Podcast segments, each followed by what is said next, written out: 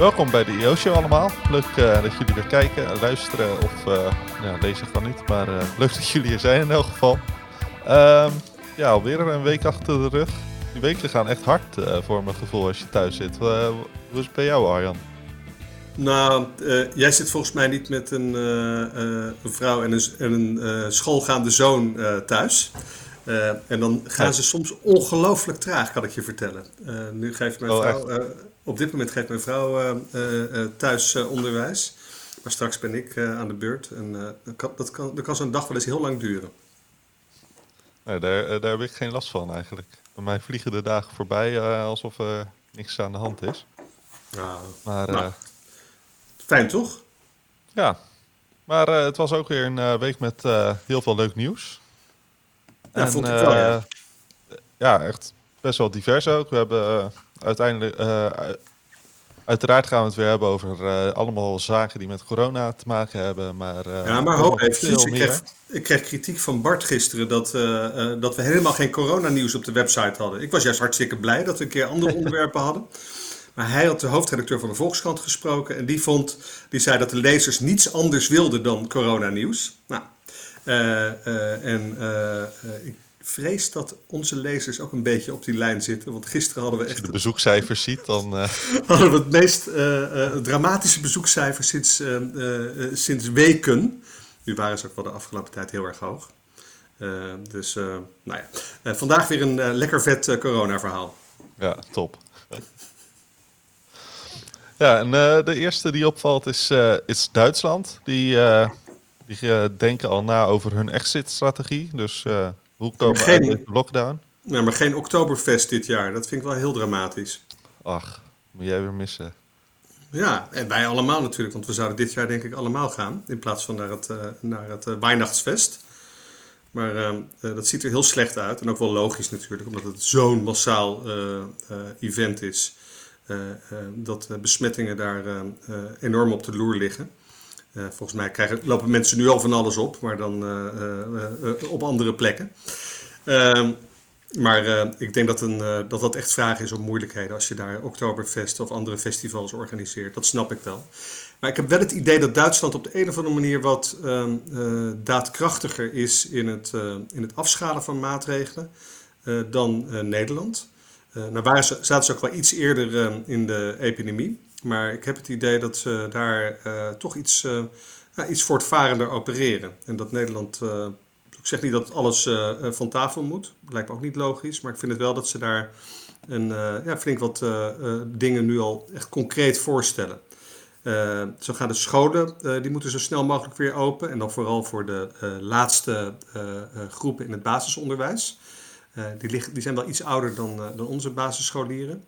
Uh, zijn er ook uh, mondkapjes uh, geadviseerd? In Nederland zijn die niet nodig, begrijp ik. Ehm, ehm, eh, of niet nodig, niet gewenst, omdat, ze, omdat er een tekort aan is. en daarnaast gaan winkels en horeca en culturele instellingen ook weer onder strikte voorwaarden open. Oh. ja, nou waren winkels daar wel. de Nederlandse winkels zijn op de een of andere manier wel langer geopend gebleven en zijn ook gewoon nog open. En in Duitsland zijn ze daar iets strikter in geweest. Dus misschien is het verschil daarin ook weer niet zo groot. Ehm, en ehm, ik heb het idee dat daar ook een stuk beter wordt uh, getest. Ja, uh, maar horeca al open, dat lijkt me juist een van de zwaarste besmettingsplekken. Maar dat gaan ze dan... Nou ja, er wordt in elk geval over nagedacht. En ze zullen zeker niet en masse open gaan. Maar in elk geval heb ik het idee dat daar iets uh, iets voortvarender wordt nagedacht over hoe we het gaan doen. Ja. Uh, en uh, een van mijn andere klussen is op de Erasmus Universiteit in Rotterdam. En daar zitten ze echt heel erg in hun maag met hoe gaat die anderhalve meter samenleving er nu uitzien de komende tijd. Hoe gaan we nou al die studenten weer in de collegebanken krijgen? en nou, we hebben nu al twee weken geleden die vragen uitgesteld. En het lukt nog niet om daar een antwoord op te formuleren. En dan heb ik het idee, is Nederland nou zo traag? of is het zo'n onmogelijke opgave? Ehm, eh, waarom ze, het lijkt soms alsof we zo weinig vindingrijk zijn. Of heb jij dat gevoel helemaal niet, Frans? Oh. Je kijkt wat. Nee, dat gevoel heb ik helemaal niet. Ik denk dat Nederland iets afwachtender is. Um, En misschien nog minder bezig met die exit-strategie. Zoals je zei, Duitsland zat daar eerder in. Ja. In die epidemie. Um, maar ja, nu al vooruitlopen op zaken die nog moeten komen, dat hebben we in Nederland nog niet echt gedaan. Dat betekent niet dat er mensen niet over nadenken. Ja, ja, je hoort het alleen niet. Ja, dat denk ik. Maar goed, zullen we het uh, iets over, over iets gezelligs hebben? Ja, lijkt me heel leuk. Vertel het eens. Ja? Nou, een stof in cannabis die kan helpen in de strijd tegen de ziekenhuisbacterie. Nou ja, noem, dat, noem dat maar gezellig. 10 miljoen doden in 2050 voor, verwachten ze. Ja, nee, dat, dat bedoel ik niet met gezellig. Oh. maar, uh...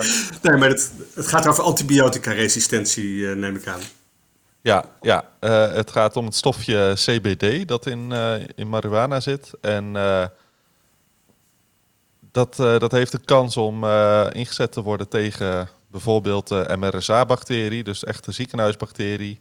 Ehm, en die kan dan de groei van die bacterie remmen, maar waarschijnlijk ook van andere uh, antibiotica. Uh, of dan is andere antibiotica dus niet meer nodig, waardoor je dus geen antibiotica-resistentie meer opbouwt. Ja. En, of in mindere mate nodig in elk geval. Ja. Onderzoek van de Sidansk Universiteit in Denemarken. En daar zie ik allemaal mensen denken van, kan ik, blauwe helpt dus, maar dat, dat is het niet hè? Nee, het gaat dus echt om het stofje CBD. En uh, volgens mij is dat nu ook echt een hele hype, vooral in de VS. Uh, eh, dat stofje, dat wordt... Ja, voor, voor alles wordt dat aangeprezen. Maar nu blijkt er dus ook echt daadwerkelijk dat het een medisch, medisch middel kan zijn. En ja. wordt er, is er ook bewijs voor. Ja. Het is in elk geval heel dus, belangrijk omdat, omdat, omdat, het, omdat die antibiotica-resistentie... We hebben het nu alleen over corona, terecht... Maar antibiotica-resistentie is natuurlijk een enorm probleem wereldwijd. En dat, uh, uh, nou ja, in 2050 zal dat volgens de Wereldgezondheidsorganisatie zelfs 10 miljoen doden per jaar kunnen opleveren. Nou ja, elke, die strijd is natuurlijk enorm dat die ook gewoon enorm belangrijk dat die ook gewoon doorgaat. Ja, ja absoluut. Dus ja, als zoiets simpels het middel kan zijn, dan uh, is dat alleen maar mooi natuurlijk. En volgens mij dat stofje heeft helemaal geen bijwerkingen. Uh, als in, het is, geen, het is niet de actieve werkende stof in, uh, in wiet, zeg maar. Dus, nee. Oh, Oké, dus geen THC. Dus je krijgt er ook geen blijgevoel van. Nee, nee volgens mij niet. Oké. Maar hey, zullen we het even hebben over dingen die per ongeluk zijn uitgevonden? Die zijn altijd leuk. Ja, geweldig. Geweldig. ik vind dat echt de mooiste innovaties altijd. Ehm, eh, we kennen natuurlijk allemaal het, eh, eh, het voorbeeld van Viagra, dat ooit is uitgevonden als een, een hartmedicijn. en dat toen een hele onverwachte prettige bijwerking had. Maar nu is opnieuw is een, is een middel ingezet voor, dat eigenlijk voor, voor hartpatiënten is, is bedoeld. Ehm, het is nog niet zo ver dat het onmiddellijk een, echt uh, ingezet kan worden. Het wordt nu nog ingezet op muizen. Uh, maar het gaat wel degelijk om een hele belangrijke bijwerking. En dat kan jij, denk ik, volgens mij heel goed uitleggen, uh, Frans. Ja, nou heel goed. Het gaat om therapie voor hartpatiënten. Dus als je een hartaanval hebt overleefd, dan heb je nu nog steeds kans op een, op een nieuwe. Of je hartcellen zijn niet goed. Er zit een littekenweefsel en het orgaan herstelt zichzelf niet goed. Um, maar dat kan dus met dit medicijn of deze therapie uh, wel goed gaan. Dus uh, ze hebben uh, van, ja, ze hebben per ongeluk eigenlijk dit gevonden en ze zagen dat hartcellen zichzelf begonnen te regenereren. Dus eigenlijk dat het hart zichzelf gewoon goed herstelt. Dus ja, dat zou natuurlijk top zijn. Ja, heb je nog, uh, heb je, wist je dat magnetron trouwens ook uh, per ongeluk is, uh, is ontstaan? Of is uitgevonden? Nee. Nou, dat was? Dat was, ja, in 1946 was er een ingenieur bezig, Percy Spencer, bezig met, het, met een onderzoek naar radar. en dat in een nieuwe vacuümbuis. En hij experimenteerde met die buis. En toen begon er een chocoladereep in zijn zak te smelten. Nou, en toen hadden we de magnetron. Dus er zijn er heel veel voorbeelden van. Uh, Viagra hebben we al genoemd, maar cornflakes, penicilline is natuurlijk ook een bekend uh, voorbeeld van uh, iets dat per ongeluk is ontstaan. Dus laten we vooral veel dingen per ongeluk doen, want dan ontstaan de mooiste dingen. Ja. Minder, minder georganiseerd werken, dat stimuleert innovatie, bedoel je? Nou, dat is aan jou wel toevertrouwd, toch? Wist dat je dat ging zeggen. en maar uh, zullen we het maar weer eens uh, hebben over uh, wie onze gast is vandaag? Ja, Peter de Kok. hele mooie nieuwe columnist die we sinds vorig jaar bij I.O. hebben ingelijfd. En die zichzelf trouwens aanbood. hij is ook hoogleraar aan, aan de Jats University in, in Den Bosch. Ehm, en uh, hij heeft een super gave uh, biografie, uh, vind ik. Hij is filmmaker geweest, documentairemaker. Hij heeft voor de inlichtingendiensten gewerkt. en hij heeft nu een bedrijf dat misschien wel een van de nieuwe unicorns kan worden, Pandora Intelligence. Um, en Peter schrijft al een tijdje een, een, een reeks columns nu over de professor en de hacker en de politicus. Uh, waarvan ik me altijd afvraag van wie is nou wie? En uh, Peter kan dat uh, misschien straks ook eventjes uitleggen. Ja, wie is hij nou zelf en wat is zijn alter ego? Soms denk ik dat hij het alle drie tegelijk is. Maar, en misschien gaat hij het ook helemaal niet verraden. Maar we gaan hem eens eventjes laten inbellen. Ja, top. Nou, welkom Peter. Leuk dat je hier bent en dat je tijd hebt om al je kennis te delen met ons en ons publiek. Dankjewel. We hebben je al kort geïntroduceerd. Uh, uh, en ik was heel erg benieuwd naar uh, jouw bemoeienis met een, of mogelijke bemoeienis dit weekend met een, een digitaal evenement van het ministerie van Volksgezondheid. Die willen een zogenaamde appathon organiseren om de werking van de nieuwe corona-apps te kunnen testen en verbeteren. Organisaties, onafhankelijke experts en belangstellenden kunnen meekijken en adviseren. Ik neem aan dat jij op het puntje van je stoel zit. Ja, ik vind het een geweldig initiatief. Ik vind het vooral heel goed dat, het een, uh, uh, dat er geen restricties aan zijn. Dat in principe iedereen die zich uh, daartoe geroepen voelt aan kan sluiten. Kijk, weet je wat het is? Hugo de Jonge zei ook in, zijn, in, zijn, in de persconferentie. Het gaat allemaal om vertrouwen. En vertrouwen is heel erg belangrijk. En ehm, ik denk dat het heel slim is dat de overheid nu zegt: uh, iedereen die daar een mening over heeft, kan in principe meedoen. Afgezien van het feit dat dat waarschijnlijk een cacophonie wordt aan uh, meningen en uh, zeg maar, ideeën hierover. maar ik denk dat het heel goed is om juist dat gevoel van vertrouwen te creëren. Want als het gaat over zeg maar apps die mensen als privacygevoelig um, uh, ontvangen, percipiëren, dan, uh, ja, dan, dan kun je niet voorzichtig genoeg zijn. Ja, maar in jouw column schreef je bijvoorbeeld onlangs dat Google COVID-19 waarschijnlijk efficiënter kan begrijpen, bestrijden en voorkomen dan het RIVM. Dus is het wel zo slim dat de overheid nu aan relatief kleine appbouwers vraagt om met een oplossing te komen? Ja, juist denk ik. Ja, klein, uh, klein of groot, dat maakt in principe niet zo heel veel uit, denk ik. Maar um, ik denk dat het heel slim is dat de overheid aan uh, appbouwers vraagt: um, kunnen jullie ons helpen?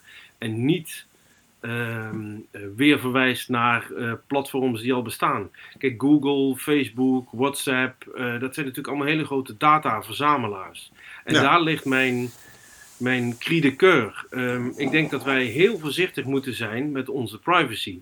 Ik denk -hmm. alleen dat we niet met twee monden moeten praten. Als het gaat over uh, onze privacygevoelige gegevens, dan zijn wij heel terughoudend als de overheid ook maar het woord, uh, de, de, bij, uh, het woord in de mond neemt. Dan denken we al, ja maar ho, dat kan allemaal niet. Terwijl wij veel minder terughoudend zijn als het gaat over veel privacygevoelige gegevens die we delen met uh, WhatsApp, met, met Google, met, uh, met Facebook.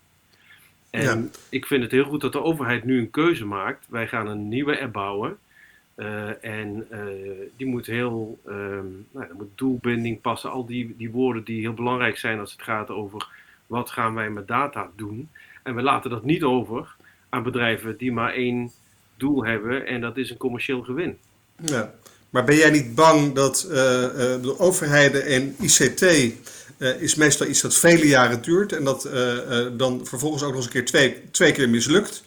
Uh, als het niet vaker is, uh, ben je niet bang dat, uh, dat we eigenlijk gewoon al heel veel bruikbare dingen hebben, bruikbare informatie zouden kunnen hebben en dat we nu beginnen aan iets, ehm, terwijl eigenlijk de, de, de, huidige pandemie vraagt om supersnel ingrijpen, om supersnelle informatie. En dan gaan we, het komt op mij zo provisorisch over, dat we denken van we gaan dat nu eventjes bouwen, terwijl eigenlijk hebben we nu gewoon een oplossing nodig.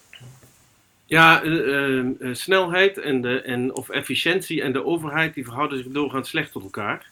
Ja. Uh, en, maar daarom ben ik eigenlijk juist zo blij dat de overheid nu ook vraagt naar commerciële partijen: van kom eens met een alternatief. Kijk, commerciële partijen zijn per definitie, um, of laat ik zeggen, commercieel klinkt een beetje alsof er, de, of er nog ergens anders een gewin in zit. Maar bedrijven die zich in de commerciële markt moeten handhaven, die zijn per definitie goed in, in snelheid. Anders halen ze het niet.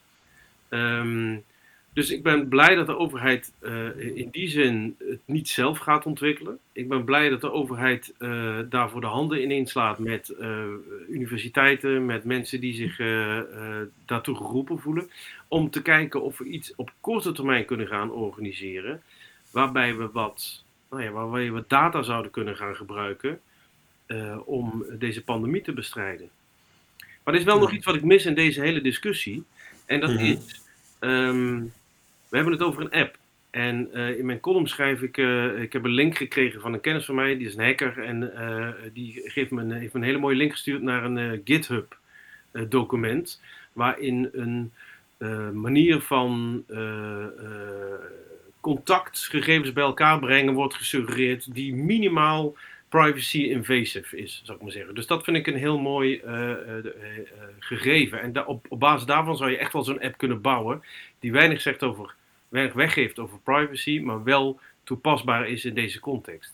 Ja, wat ik in, in deze discussie mis, is eigenlijk de vraag: um, wat zegt zo'n app nou precies over de verspreiding van corona? Wat is de relatie tussen de nabijheid van telefoons en de verspreiding van het COVID-19-virus.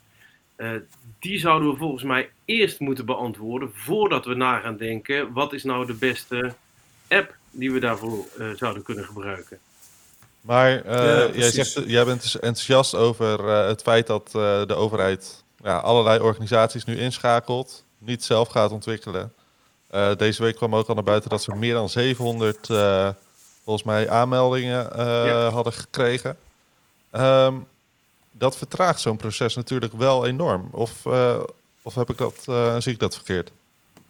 Ja, maar ook net zo goed als dat de overheid zich slecht verhoudt tot snelheid, verhoudt, verhoudt nauwkeurigheid zich tot snelheid. En dat zal onder, ongetwijfeld altijd de trade-off blijven. Je wil iets heel nauwkeurig doen, heel wel overwogen doen, um, maar ook snel. Ja, dat zijn twee dingen die zich uh, moeilijk tot elkaar verhouden. Uh, snelheid, daar is men bij gebaat, denk ik in dit geval. Uh, maar laten we vooral die nauwkeurigheid en de, de, laten we zeggen, de rechtsstatelijkheid niet vergeten. Want dat is een heel, heel, heel belangrijke component. En nogmaals, laten we de discussie niet vergeten. Ja. Wat is de relatie tussen de nabijheid van telefoons en de verspreiding van het virus?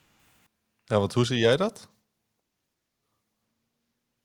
Nou ja, het is al duidelijk dat uh, als je gebruik gaat maken van GPS, dat is eigenlijk al, uh, in mijn ogen is dat, uh, moeten we die kant niet opgaan. Dat is veel te veel privacygevoelig. Als we gebruik gaan maken van Bluetooth van telefoons, dat legt niet je locatie vast, maar legt wel vast met welke ander Bluetooth device, device mijn telefoon in aanraking is geweest. Dus een stuk minder gevoelige gegevens die daarmee kwijtraakt. Maar wat zegt het als, uh, nou, in de media is het vaak het voorbeeld geweest, mijn buurman. Ik zit in de buurt van mijn buurman, mijn uh, telefoon maakt contact met zijn telefoon.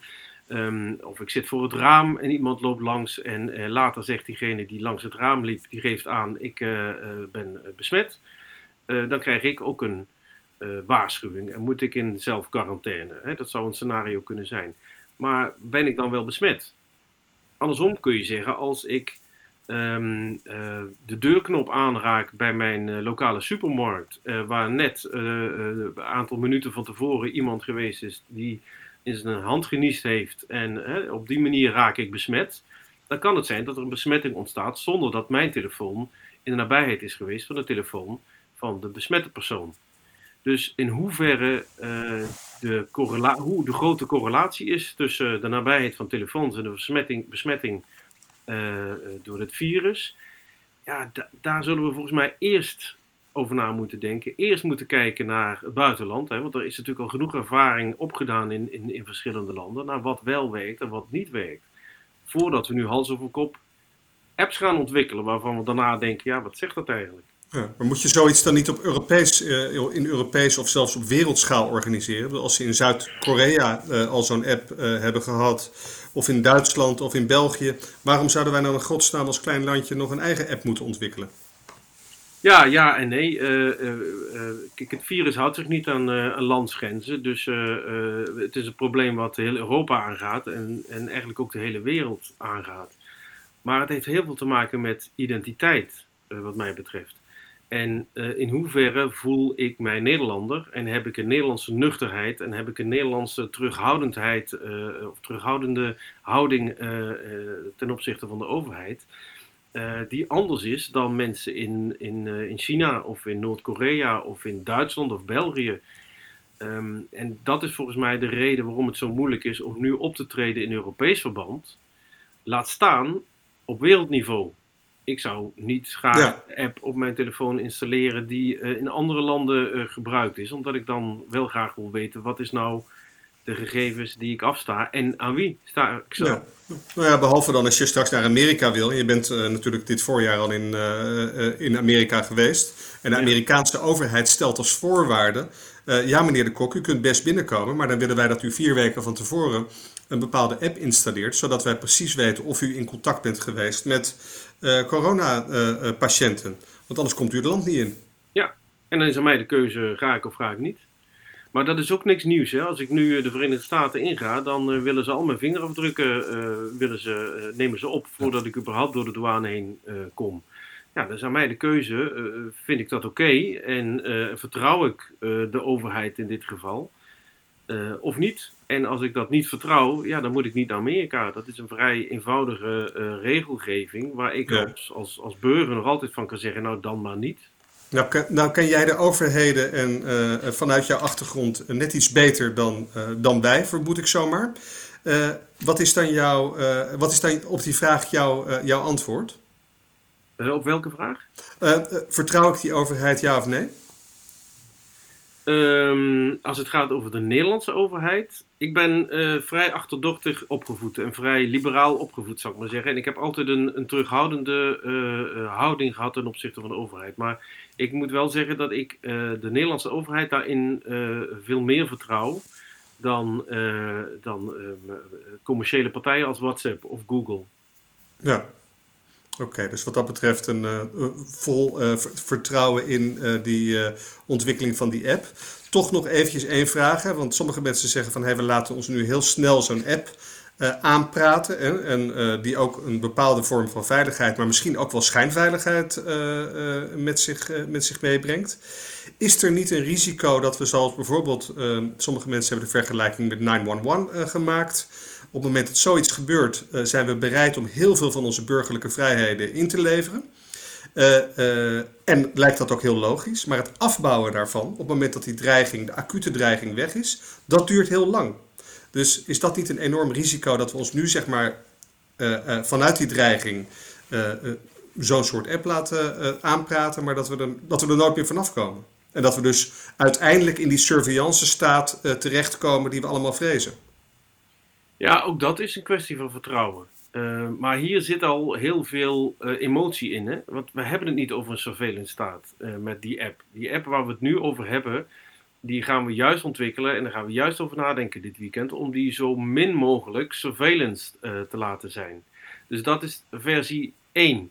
Een ander iets wat belangrijk is, is dat je als je al zo'n app gaat gebruiken, en nogmaals, we moeten de vraag stellen wat de meerwaarde is van die app, maar stel dat we een app gaan gebruiken en stel dat we dat doen volgens eh, het voorstel wat in die GitHub-link eh, zit, hè, dat, dat, dat Ja. eh, Privacy Preservice, eh, Preserver heet dat. Ehm, als we het op die manier gaan doen, ehm, ja, dan, dan, is, is, dat dan is dat dan zo erg. En dan zouden we ook kunnen afspreken, oké, als we dat op die manier doen, of laten we ook zo zeggen, de situatie is belangrijk genoeg dat we alleen kijken naar de Bluetooth, eh, eh, zeg maar, nabijheid. Eh, en dan kunnen we ook nog steeds afspreken dat we die, die app weer verwijderen, eh, eh, zeg maar, eh, na, ehm, eh, op het moment dat, het, dat de overheid zegt, we weten dat het nu, we hebben er voldoende vertrouwen in dat het zich niet verder ontwikkelt. En nogmaals, ik heb dan meer vertrouwen in mijn Nederlandse overheid dan dat ik heb in heel veel commerciële bedrijven die mijn nabijheid ook dagelijks bijhouden. En dan niet op het gebied van eh, Bluetooth, maar op GPS, die precies willen weten waar ik ben. Ja. Als ik een app gebruik, die, die, die eh, mijn eh, navigatie-app, laat ik het zo zeggen, die kent precies mijn patroon. Die weet waar ik woon. Die weet wanneer ik, waar mijn werk is. Die weet ook wanneer ik naar mijn werk ga. Die weet ook wanneer ik een dag te laat ben. Die weet ook wel dat ik ergens relaties heb, omdat ik elke vrijdagavond met, met vrienden ga afspreken. Die weet ook dat ik me niet hou aan de, aan de, aan de regels eh, van zo min mogelijk reizen. Nou, dat zijn veel privacygevoeligere eh, componenten die ik wel weggeef aan een commerciële app. En met een veel minder privacygevoelige app zou ik mijn overheid niet vertrouwen. Nee, bij mij werkt dat anders. Oké. Eh, nog even de laatste vraag. Volgens mij ga jij, dit, ga jij morgen inderdaad bij, die, bij die bijeenkomst zitten, of niet? Die appathon. Sorry, ik, Ja. je Vol- nee, volgens mij... want ik, die hoorde ik niet. ga jij inderdaad bij die appathon zitten morgen? Ja, ja, ja. ja. Oké. Hey, hartelijk dank eh, Peter de Kok. En eh, eh, we, gaan je, we gaan je lezen. Graag gedaan. Nou, leuk dat je er was. Dankjewel. Yes. Ja, dat, eh, dat was Peter de Kok. Met eh, ja, duidelijke mening over eh, wat wel en wat niet goed is als het gaat om eh, privacy, eh, overheden, bedrijven en eh, corona-apps. En nou weet ik ook waarom ik hem geen WhatsAppje kon sturen. Ja, ja duidelijk, terecht.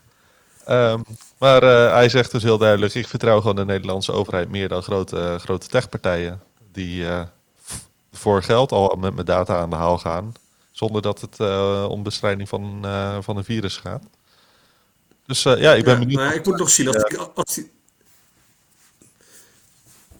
ik, ik moet nog zien hoor, als die app er komt, hoe, hoe, hoe, hoe lang dat duurt überhaupt. En twee, hoe lang het eh, weer duurt voordat we hem van onze telefoon kunnen verwijderen.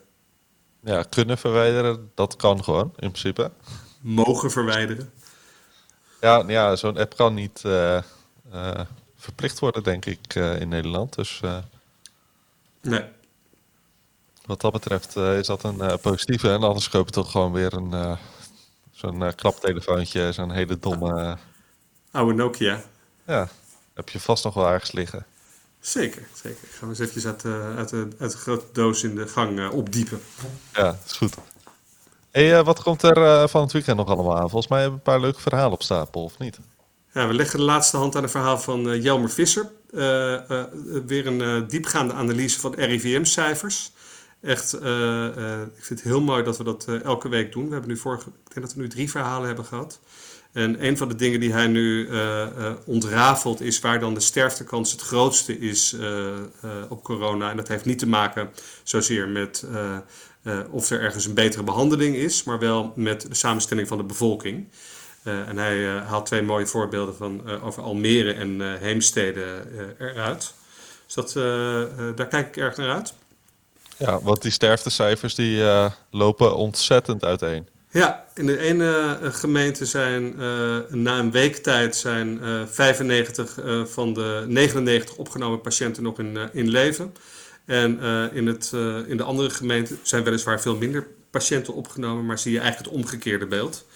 Dus dat is wel nou, ehm, eh, zeer opvallend en gelukkig ook logisch verklaarbaar, want anders zou je nog meer zorgen maken. Ja. ja, dat moeten we niet hebben in deze tijd. En eh, verder? Eh, ik ja, je moet altijd een beetje afwachten of de verhalen ook helemaal afkomen. Maar we hebben een, uh, een mooi verhaal van, van Milan over een nieuw COVID-19 project van TechLeap. De, de, opvolger van Innovation Delta. Startup Delta. Pardon, dank je. Ja. Startup Delta. En dat, daar is hij nu nog volop mee bezig. Uh, en uh, we hebben, als het goed is, die was super druk, uh, een column van Kathleen Gabriels. En ik ben ook heel benieuwd naar haar inzichten. Ja, dat gaat ongetwijfeld ook over een, een app. Ja, of over haar enorme drukte op de universiteit. Want ze moet nu al het onderwijs op, op af, afstand geven. En zoals bij de meeste professoren zorgt dat voor een enorme hogere werkdruk. Ja, nou, ik ben benieuwd uh, naar de verhalen. En uh, ik hoop jullie ook. Uh, vooral lezen dit weekend op innovationorigins.com. En kijk vooral ook op, op YouTube. Volgende week gaan we weer volop uitzendingen streamen op, op YouTube. Dus abonneer je alvast en dan mis je geen enkele uitzending. En dan tot volgende week. Tot volgende week. Doei ja.